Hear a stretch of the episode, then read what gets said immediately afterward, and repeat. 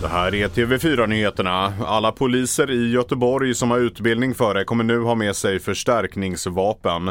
Det rapporterar Göteborgs-Posten som pratat med den tillförordnade chefen för utredningssektionen, Dan Vint. Vint säger också att beväpningen av poliser inne på och i närheten av polisstationer höjs. Beslutet är taget på grund av det försämrade säkerhetsläget i landet.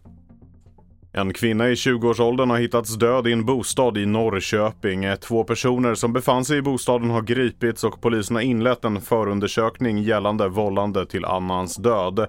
Polisen ser ingen koppling till våldsdåden som skakat Norrköping den senaste tiden. En man i 80-årsåldern har avlidit efter att vid 13-tiden blivit påkörd av en personbil i hög fart på riksväg 70 utanför Enköping.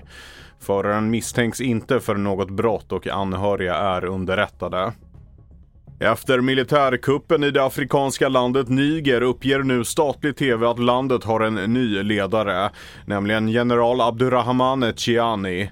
Kuppförsöket inleddes i onsdags då landets president Mohamed Bazoum frihetsberövades av medlemmar ur presidentgardet.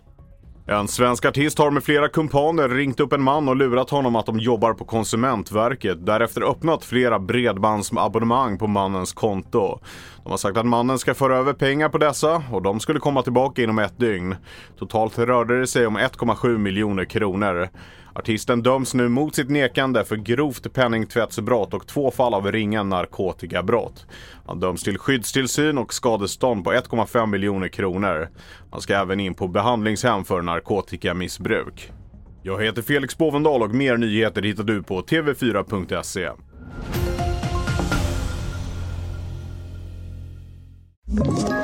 Ett poddtips från Podplay. I fallen jag aldrig glömmer djupdyker Hasse Aro i arbetet bakom några av Sveriges mest uppseendeväckande brottsutredningar. Går vi in med hemlig telefonavlyssning och, och då upplever vi att vi får en total förändring av hans beteende. Vad är det som händer nu? Vem är det som läcker? Och så säger han att jag är kriminell, jag har varit kriminell i hela mitt liv men att mörda ett barn, där går min gräns. Nya säsongen av Fallen jag aldrig glömmer på Podplay.